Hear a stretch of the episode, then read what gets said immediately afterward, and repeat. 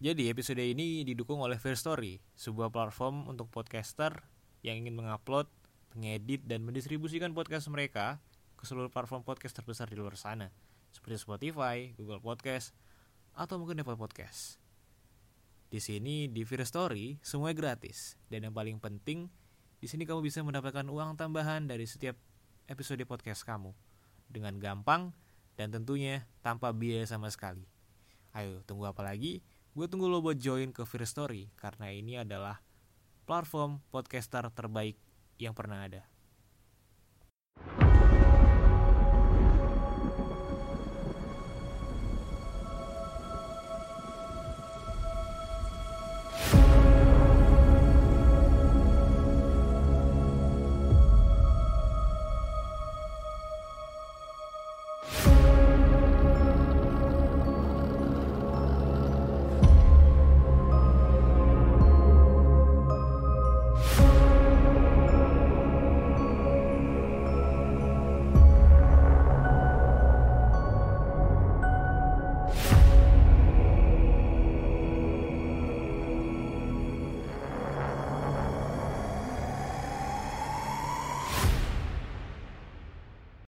Halo semuanya, balik lagi dengan gua di sini di podcast dengerin horor. Tentunya dengan episode terbaru yang pastinya masih fresh. Dan juga masih terbilang cukup menarik karena gue memilih cerita itu berdasarkan apa yang gue udah baca. Dan menurut gue kayaknya ini worth it buat gue share ke teman-teman di podcast atau di channel podcast gue jadi sebelumnya um, jadi kemarin tuh episode pertama setelah gue vakum di podcast ini ya. Jujur kemarin tuh agak kaku juga gue bacain ceritanya dan gue juga gak nyangka ternyata masih ada yang dengerin dong. Gokil gokil. Kayak misalnya nih lu punya channel terus lu ada followersnya. Gue kayak ngerasa kayak ada yang nungguin gak ya? Ternyata ada yang nungguin cuy. Dan yang nungguin kalian-kalian semua tentunya. So gue mengucapkan terima kasih yang sangat-sangat banyak untuk kalian semua yang sampai saat ini mendengarkan podcast dengerin horor. Karena gue nggak bosan-bosannya mengucapkan terima kasih ya karena tanpa ada kalian mungkin channel ini udah berhenti dari kemarin-kemarin sih. Oke. Okay. anyway kita hari ini bakal bacain lagi cerita horor dari Twitter pastinya. Gue open banget buat temen-temen yang ingin bercerita tentang kisah horornya. Boleh secara singkat ataupun panjang lebar juga nggak apa-apa. Bisa lewat teks atau lewat voice note juga fine kalian bisa kirim ke Instagram gue aja langsung ke @iksan smf oke. Okay. jadi episode hari ini kita bakalan bacain treat horror yang berjudul petugas loket bioskop. Treat ini ditulis nanti gue cantumin akun twitternya di deskripsi tapi sebelum itu kita bakal bacain dulu sampai selesai. So buat teman-teman yang lagi dengerin ini semoga menikmati dan selamat menikmati juga. Oke. Sekumpulan kejadian aneh di bioskop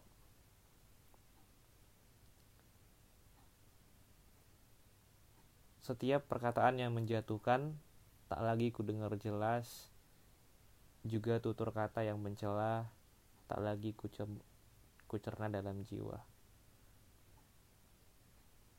Tadi tuh potongan lirik lagu dari grup band Padi.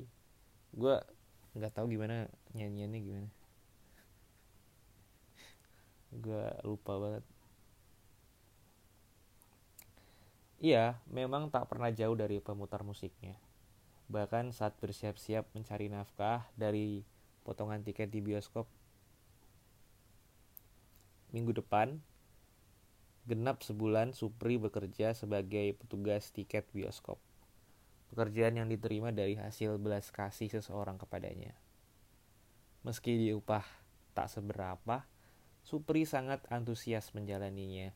Ini adalah kali pertama pemuda lulusan SD itu memiliki pekerjaan di usianya yang sudah seperempat abad. Setelah langit memerah dan merapihkan kerah, dia beranjak dari kamarnya untuk berpamitan. Mah, Supri berangkat dulu ya, teriak Supri kepada ibunya yang sedang berada di dapur. Bentar lagi azan, Pri, ujar ibu. Nanti aja habis maghrib. Toh, juga kamu masuk kerja jam 7 kan? Kemudian Supri menjawab, biar nggak telat, mah. Nanti Supri sholat di musola bioskop kok. Ya udah hati-hati ya. Ingat yang ramah sama pengunjung. Rambut pakaian juga jangan berantakan kata si ibu. Kemudian Supri teriak Assalamualaikum. Teriak sambil menutup resleting jaketnya. Kemudian dia pamitan. Setelah melewati beberapa gang sempit dan cibiran tetangga ia sampai di pinggir jalan raya menyusuri trotoar sebelum akhirnya beberapa ratus meter berlalu Supri sudah sampai ke bioskop. Bioskop pertama dan satu-satunya di seantero kota. Dengan hanya memiliki dua teater dan berkapasitas masing-masing 150 hingga 250 kursi. Usai sholat ia tunaikan, Supri langsung menuju ruang loket, merapihkan beberapa kertas yang tak perlu dan menaruh kopi di meja loket. Kemudian jam telah menunjukkan pukul 8.30 dan sudah terlihat cukup banyak pengunjung dalam lobi. Supri hanya diam menatap dari balik loket dengan senyum dan hanya menyisakan ruang untuk dua gigi tonggos kesayangannya. Selamat datang di bioskop memoir. Malam ini mau nonton apa dan berapa tiket pak? Sambut Supri dengan sumringah. Ya, kenapa sih? Tiap saya mau nonton, pasti yang jaga kamu lagi. Hilang mood saya buat nonton kalau lihat kamu. Tonggos. Ujar Herman pelanggan setia bioskop memoir. Saya justru seneng lihat lihat bapak datang ke sini. Gimana pak? Menonton. Menonton apa? Menonton ayat-ayat cinta, The Photograph, atau Tekken. Supri coba memberi beberapa opsi. Udah saya tonton kemarin. Waktu yang jaga bukan kamu saya justru penasaran sama poster di depan tulisannya Sang Pengawas. Itu film tentang apa? Tanya Pak Herman. Oh, itu film baru, Pak. Baru tayang hari ini. Tiketnya gratis kalau Pak Herman nonton film itu malam ini. Ini film lagi promosi besar-besaran di semua bioskop, Pak. Ujar Supri. Oh iya? Hmm, boleh deh kalau emang gratis saya pengen paling atas ya di sini nih ucap Pak Herman sambil menunjuk ke kertas berisi denah bioskop yang ada di meja loket. Supri segera melingkari kursi yang dimaksud dengan pulpennya sebagai tanda tempat duduk itu telah dipesan. Ia lalu memberikan karcis tipis bertuliskan A nomor 10 kepada Pak Herman untuk selanjutnya akan disobek di depan pintu teater satu. Meski tak semua, kiranya begitulah kondisi bioskop di tahun 2008. Masih konvensional dan ala kadarnya. Tiketnya aja cuma kertas berwarna putih atau merah muda, berisi keterangan nama bioskop dan tempat duduk dengan font berjenis Arial. Sungguh tak cocok jika hendak diabadikan menjadi histori tontonan yang dipamerkan ke media sosial. Semua jenis uang pembayaran masih dapat diterima baik yang kertas maupun logam sekalipun. Tinggal tunjuk tempat duduk sambil sedikit membungkuk masukkan tangan dan uang ke dalam lubang kaca seukuran mangkuk, lalu kembali ke lobi untuk cari tempat duduk. Buset. Gokil juga nih yang nulis nih.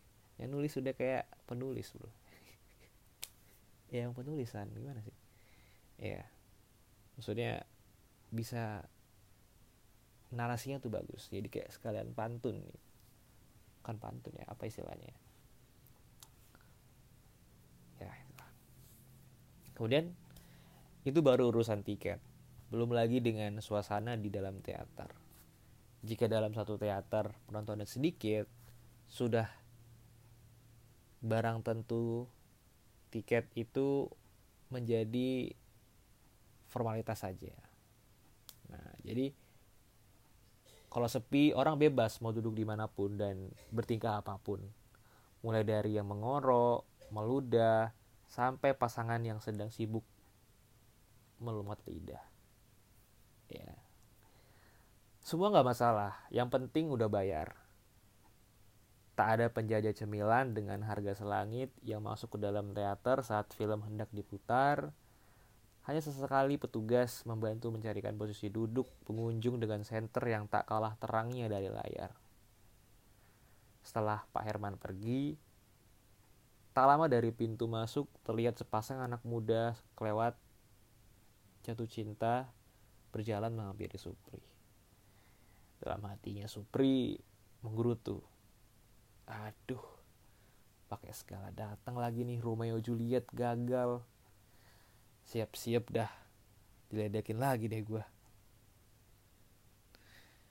Halo Supri si kelinci. Sapa Freddy sambil menggobrak gobrak meja oke. Oh, Freddy. Halo, selamat datang di bioskop Memoir. Jawab Supri yang masih saja antusias menyambut. Halo ganteng. Kali ini giliran Fendi, kekasih Freddy yang turut menyapanya. Kaku banget sih lo, tonggos. Udah buru, pesenin buat dua orang. Film apa aja deh. Yang penting malam ini gue bisa nonton bareng Ayang ujar Freddy. Ini ada film judulnya Sang Pengawas. Kebetulan lagi promo, gratis nonton. Mau? Tawar Supri. Goblok. Bilang dong dari tadi kalau gratis, biar gue nggak perlu ngobrol sama lu. Udah, buru tiketnya kasih. Biasa, gue di pojok kiri atas aja ya. Gertak Freddy. Baik, ini tiketnya untuk dua orang. Terima kasih dan selamat menonton. Jawab Supri. Dua pasangan itu segera pergi dari pandangan Supri menuju etalase jajanan dan hilang di tengah keramaian. Selanjutnya, giliran satu keluarga berjumlah empat orang masuk menghampiri Supri. Pri, Bapak pesan empat tiket ayat-ayat cinta ya. Cepetan. Eh, kakak jagain tuh adek jangan lari-lari. Seluruh suruh Pak Dodi seraya menyuruh anak-anaknya untuk jangan berseliweran di lobi. Baik Pak. Tapi saya mau ngasih tahu ini ada film baru judulnya Sang Pengawas. Gratis. Tiket masuknya. Tapi ini untuk hari ini aja nih Pak Dodi. Rayu Supri Istri Pak Dodi yang juga ada di depan meja tiket pun mendengar meneng, mendengar mengenai film gratis itu untuk selanjutnya turut merayu suaminya. Nah, mending itu aja ya. Lagian film ayat-ayat cinta kan udah kita nonton. udah kita tonton minggu kemarin ujar ibu ibu serius kan katanya ibu pengen nonton si Fahri sama Nora lagi ujar Pak Dodi si ibu kini teguh dengan pendiriannya ia putuskan untuk menonton film antah berantah itu hanya karena gratisan dan merelakan tak melihat Fedi Nuril aktor favoritnya berlaga di ayat-ayat cipta. Keluarga itu pun akhirnya menyepakati untuk menonton sang pengawas. Tanpa harus voting dengan kedua anaknya, mereka segera berpindah dan mulai berdebat di etalase jajanan. Senyum Supri yang lebar mulai terhenti oleh karena tiga pemuda yang muncul di hadapannya. Andri, Alfian, dan Aji. Anak kampus di kota itu yang rutin datang ke bioskop. Eh, cuy. Si gigi kelinci lagi yang jaga. Ujar Andri kepada dua rekannya itu yang tak kalah terbahak-bahak ucapannya. Kemudian Supri menyambutnya dengan ramah, tapi terpaksa kali ini. Selamat datang di bioskop memoir. Malam ini mau nonton apa? Gue udah bilang berkali-kali supaya lo pakai masker. Nggak lo denger juga, kata Aji. Mohon maaf mas, saya belum sempat membeli masker Supri menjawab. Tahu nggak apa yang bikin bioskop ini sepi mulu? Selain gara-gara krisis ekonomi tahun ini, gigi lo juga jadi penyebabnya. Ucap Alfian yang selain hebat dalam ilmu ekonomi di kampusnya, yang juga tak kalah hebat dalam menghina orang. Supri hanya terdiam beberapa saat, kemudian langsung mengalihkan pembicaraan dalam dengan menawarkan film Sang Pengawas kepada pelanggannya itu. Sama halnya dengan pengunjung lain, ketiga pemuda tersebut juga tergiur dengan film yang bisa ditonton tanpa perlu merogoh kocek speser pun. Segera mereka pergi dari muka Supri dan masuk ke dalam teater satu. Genap sudah 10 orang telah bersiap menonton film Sang Pengawas layar segera diputar. Supri segera beranjak ke lorong sebelah kanan lobi, berjalan ke teater satu yang letaknya di ujung lorong. Tanpa rasa tega, ia merantai daun pintu itu lalu menggemboknya dan memasukkan kunci ke dalam saku. Supri segera kembali ke lobi, berjalan ke arah sebelah kiri dan masuk ke ruang karyawan di pojok dekat toilet. Sepuluh orang itu duduk dan sedikit keheranan karena dari 200 kursi yang disediakan hanya mereka yang ada di dalam. Akan tetapi mereka nggak ambil pusing. Toh mereka telah punya tempat masing-masing untuk di booking. Freddy dan Fanny duduk di kursi kedua dari atas paling pojok sambil bersiap melaksanakan agenda lain dalam tanda kutip dari dalam teater bioskop. Pak Herman sudah duduk paling atas, lonjoran dengan kedua kaki yang disadar, yang disandarkan pada kursi di bawahnya. Lain halnya dengan keluarga Pak Dodi bersama istrinya duduk di kursi paling tengah mengapit kedua anaknya. Sementara Andri, Alfian, dan Aji duduk di kursi baris kelima dari bawah.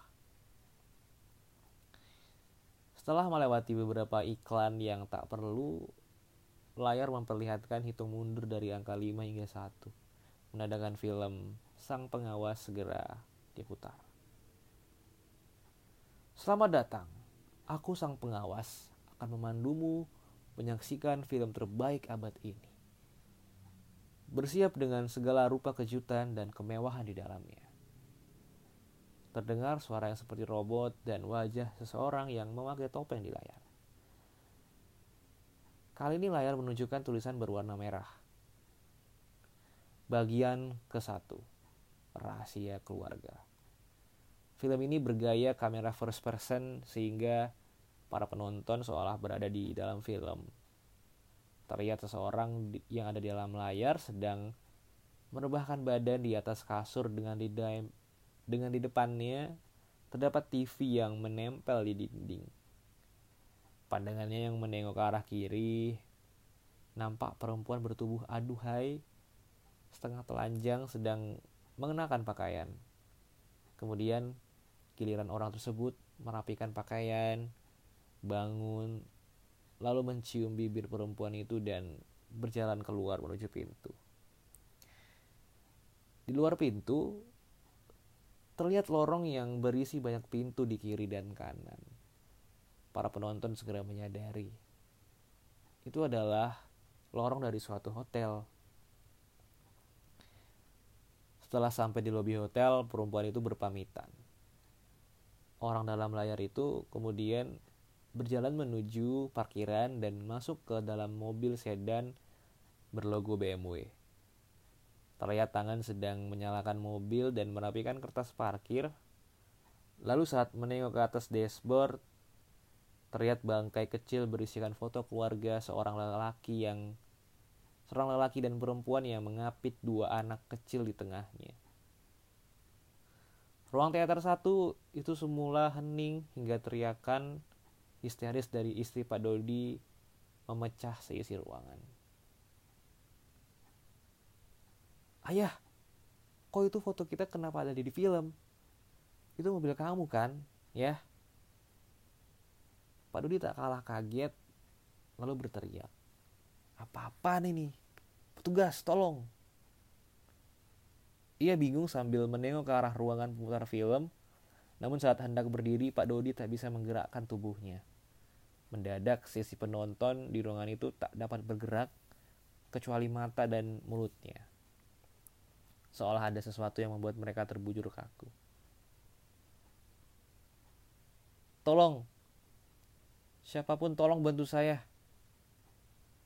Pak Dodi kembali berupaya meminta bantuan. Kemudian kepanikan mulai terjadi, semuanya berteriak minta tolong. Ayah, kita kenapa kok ibu nggak bisa digerakin badannya ujar si ibu yang berupaya menggerakkan tangan dan kakinya. Selain keluarga Pak Dodi, pengunjung lainnya pun berlaku sama, berusaha menggerakkan tubuhnya. Sayangnya, upaya itu nihil hasilnya. Mereka tetap tak dapat bergerak. Tiba-tiba muncul suara dari layar yang terlihat sedang bernadasi, dan film itu terjeda masih pada scene foto keluarga dalam bingkai di dashboard mobil. Kepada para pengunjung, diharap tenang. Sekali kalian menonton ini, kalian harus menyelesaikannya sampai akhir. Sampai nanti film ini selesai. Para penonton hanya dapat melihat dan berbicara. Kami mohon maaf atas ketidaknyamanannya. Diharap kepada penonton untuk tetap tenang dan menikmati bagian ke satu ini. Tentang kisah rumah tangga dari Pak Dodi Prasetyo. Ujar sang narator film itu. Enggak bu, ini bukan ayah, ini bohong. Jangan percaya bu, ujar Pak Dodi. Mama, kok itu ada ayah di film? Kali ini giliran Rani, si sulung berumur 9 tahun yang bertanya kepada sang ibunya. Pertanyaan Pak Dodi segera disanggah oleh oleh anaknya sendiri. Sementara si ibunya yang terdiam. Ayah, perempuan itu siapa? Tega banget kamu ya. Selama ini ternyata selingkuh. Si ibu kini telah percaya dengan apa yang ia lihat di layar. Belum sempat Pak Dodi menjawab, film kembali dimulai. Betul Ibu Sri, itu adalah ibumu. Sorry. Itu adalah suamimu. Apa yang ibu lihat barusan adalah kebiasaan yang dilakukan oleh Pak Dodi jika pulang larut malam. Lembur bersama wanita penghibur. Ujar narator yang kembali bersuara. Sang narator kembali berujar. suamimu sudah setahun belakangan ini berhubungan dengan perempuan itu. Tentunya ia merahasiakannya darimu. Ia tak puas denganmu yang tiap hari hanya menggerutu. Selain tentu karena kamu yang sudah tak sesegar dulu. Adegan itu kemudian berlanjut hingga sampai ke rumah Pak Dodi sebelum berubah menjadi gelap. Sang narator lanjut menjelaskan. Saya berikan waktu sejenak untuk Mudodi mengklarifikasi sebelum nanti istrimu yang gantian mengklarifikasi. Kamu keterlaluan ya. Besok kita cerai. Tegas Bu Dodi. Ayah minta maaf Bu. Ayah nggak mau kita cerai. Gimana anak kita nanti? Mohon Pak Dodi sambil menangis terseduh-seduh. Gak, aku bisa urus anak kita dan mereka bakal ikut aku. Besok aku urus surat cerai kita. Ujar Pak ujar Bu Dodi. Saat Pak Dodi hendak bicara, tiba-tiba layar kembali menyala. Terlihat adegan berikutnya yang akan mengagetkan sang istri. Pada layar film itu terlihat tangan sedang mengetik sesuatu di ruang percakapan BlackBerry Messenger dengan kontak seseorang bertuliskan item manis. Terlihat jelas percakapan itu berisikan item manis yang mengetik. Terus suamimu gimana? Nanti bakal tahu nggak? Ibu Dodi menjawab di chat boxnya. Haha, tenang aja. Dia ibu, dia sibuk kerja. Sabtu nanti dia ada agenda ke Bogor. Pasti menginap. Anak-anak juga dijaga bibi. Pokoknya kita harus jadi ke Bandung. Terus dibalas sama itu manis. Oke, okay, pakai emot love. Terus dibalas lagi sama Ibu Dodi. Sampai jumpa nanti Sabtu ya, itu manis kesayanganku. itu manis juga balas. Sampai jumpa juga, sayang. Jangan lupa hapus chat ini ya, biar nggak ketahuan suamimu. Terus dibalas sama Ibu Dodi. Siap komandan. nggak. Siap. Siap doang. Kemudian Pak Dodi segera sadar istri tercintanya juga ternyata punya selingkuhan. Memang orang jahat akan dipasangkan dengan yang serupa betapa menjijikannya perilaku kalian berdua. Saling bermain belakang di saat sudah diberkahi keturunan dua orang anak. Tak terbayangkan bagaimana nasib anak-anak kelak saat bertumbuh dewasa.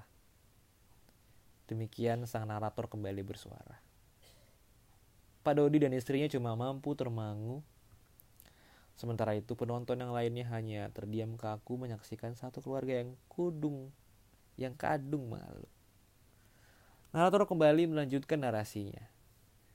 Baiklah, aku rasa sudah cukup cerita bagian yang ke satu. Biarkan para pemeran di bagian ini menyelesaikannya sendiri. Selanjutnya, kita akan masuk ke bagian kedua. Selamat menyaksikan. Layar kembali berubah gelap sebelum muncul tulisan berwarna merah bertuliskan bagian kedua pejabat bejat. Kayak gue sampai sini dulu deh. Soalnya udah 30 menit ya kan. So, kita lanjut lagi di besok atau mungkin di episode berikutnya. Buat ditulis aja, dicatat ya. Kita sampai di bagian kedua. Yang judulnya pejabat bejat. Oke, teman-teman Sampai jumpa lagi di episode berikutnya. Gue tunggu lo buat dengerin episode berikutnya karena gue sendiri sangat excited dengan cerita selanjutnya. Oke, okay? gue Iksan. Jangan lupa share buat teman, jangan lupa share ke teman-teman ya, ya. Dan jangan lupa follow karena dengan itu adalah cara kalian mendukung podcast gue, oke? Okay? Oke itu aja. Bye.